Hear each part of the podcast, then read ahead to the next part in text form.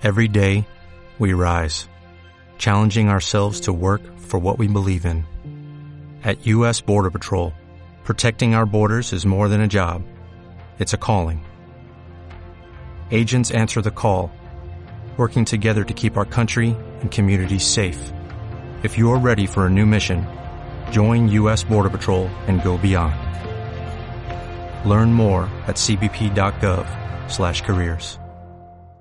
Hora 25. Sílvia Tejedor. Bona nit, repassem l'actualitat de casa nostra. El resum a la jornada, el general Francisco Franco deixarà de ser alcalde perpetuo i honorari de la ciutat de Tortosa el proper dijous. Tal i com ho va anunciar en el seu moment, l'alcalde Ferran Bel ha convocat un ple extraordinari per aquest dijous 26 de maig a les 8 del matí, on s'inclou el punt per revocar el nomenament de Franco. Aquesta revocació té lloc arran d'una investigació de la periodista d'aquesta casa, de Ràdio Ebre, Sònia Castelló, que va treure a la llum aquest nomenament que ha passat desapercebut durant 52 anys. El nomenament de Franco com a alcalde perpetuo i honorari es va aprovar al ple Tortosa per aclamació el 31 de març de l'any 1964, tot just un dia abans de la celebració del que el règim franquista va anomenar amb l'eufemisme dels 25 anys de pau. La revocació d'aquest nomenament a Franco tindrà lloc tot just dos dies abans de la consulta convocada a Tortosa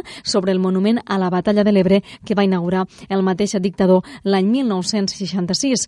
I al voltant d'aquest monument i de la consulta, les organitzacions juvenils dels partits d'esquerres de Tortosa, la Joventut Socialista, els joves de Movem Tortosa, les joventuts d'Esquerra Republicana i els joves d'Esquerra Verda, juntament amb l'Associació de Lesbianes, Gais, Transgèneres, Bisexuals i Intersexuals de les Terres de l'Ebre, s'han posicionat públicament a favor de la retirada i museïtzació del monument franquista del mig del riu. I si tenen més curiositats sobre el monument a la batalla de l'Ebre i avui no han pogut escoltar el nostre programa Hora Ebre a la una del migdia, poden tornar a escoltar a través de les xarxes socials el reportatge de la nostra companya Sònia Castelló, on explica com es va construir el monument, quan va costar i com recorden alguns tortosins el dia de la inauguració, el 21 de juny de 1966.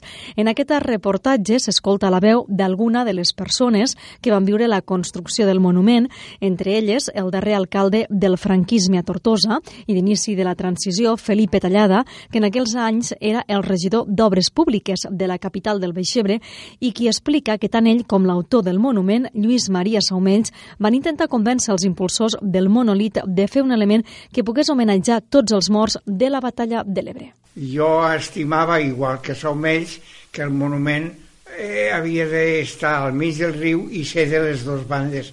I llavors el que es pensava que el monument tenia que ser només d'una banda. Però a mi això no m'ha paregut just perquè tots els que estaven allí l'únic que havia estat a la batalla de l'Ebro era jo en aquest eh, document, eh, en aquests documents, eh, que per cert, com dèiem, poden consultar a través del Facebook o del Twitter de Ràdio Ibre Cadena Ser, també es veuen detalls sobre com es va organitzar la visita de Franco a Tortosa o que 758 persones degudament acreditades van assistir a la visita del dictador a la catedral. Més qüestions, la central nuclear d'Escó ha hagut d'aturar momentàniament avui els treballs de la recàrrega de combustible per una incidència ja que s'ha detectat un valor lleugerament inferior a l'autoritzat en una de les mostres de concentració de bor en l'aigua. Un cop normalitzada la situació, s'ha pogut reemprendre el procés de recàrrega de la central que ja es troba en la seva fase final. L'incident s'ha notificat al Consell de Seguretat Nuclear sense més conseqüències. Segons l'Associació Nuclear Escobandellós, titular de la central, l'incident no ha afectat ni les persones ni tampoc el medi ambient.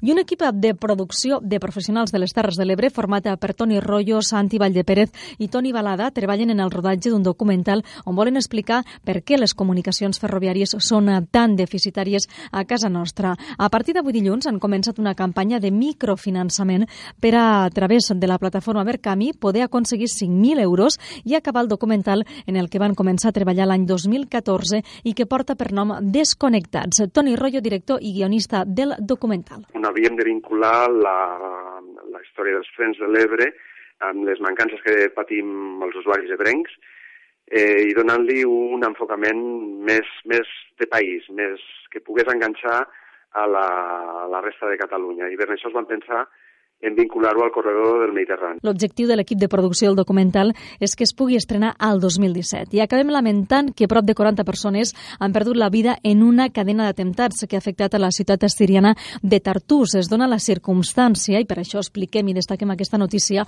que Tartús és una ciutat de Síria agermanada amb Tortosa des de l'any 2006, si bé des d'abans de la guerra s'ha perdut el contacte institucional. Els atemptats han estat reivindicats per l'estat islàmic. Tartús, recordem, té uns 100.000 habitants i està controlada pel règim de Bashar el-Assad. Ho deixem aquí, com sempre, que descansin i que acabin de passar una bona nit.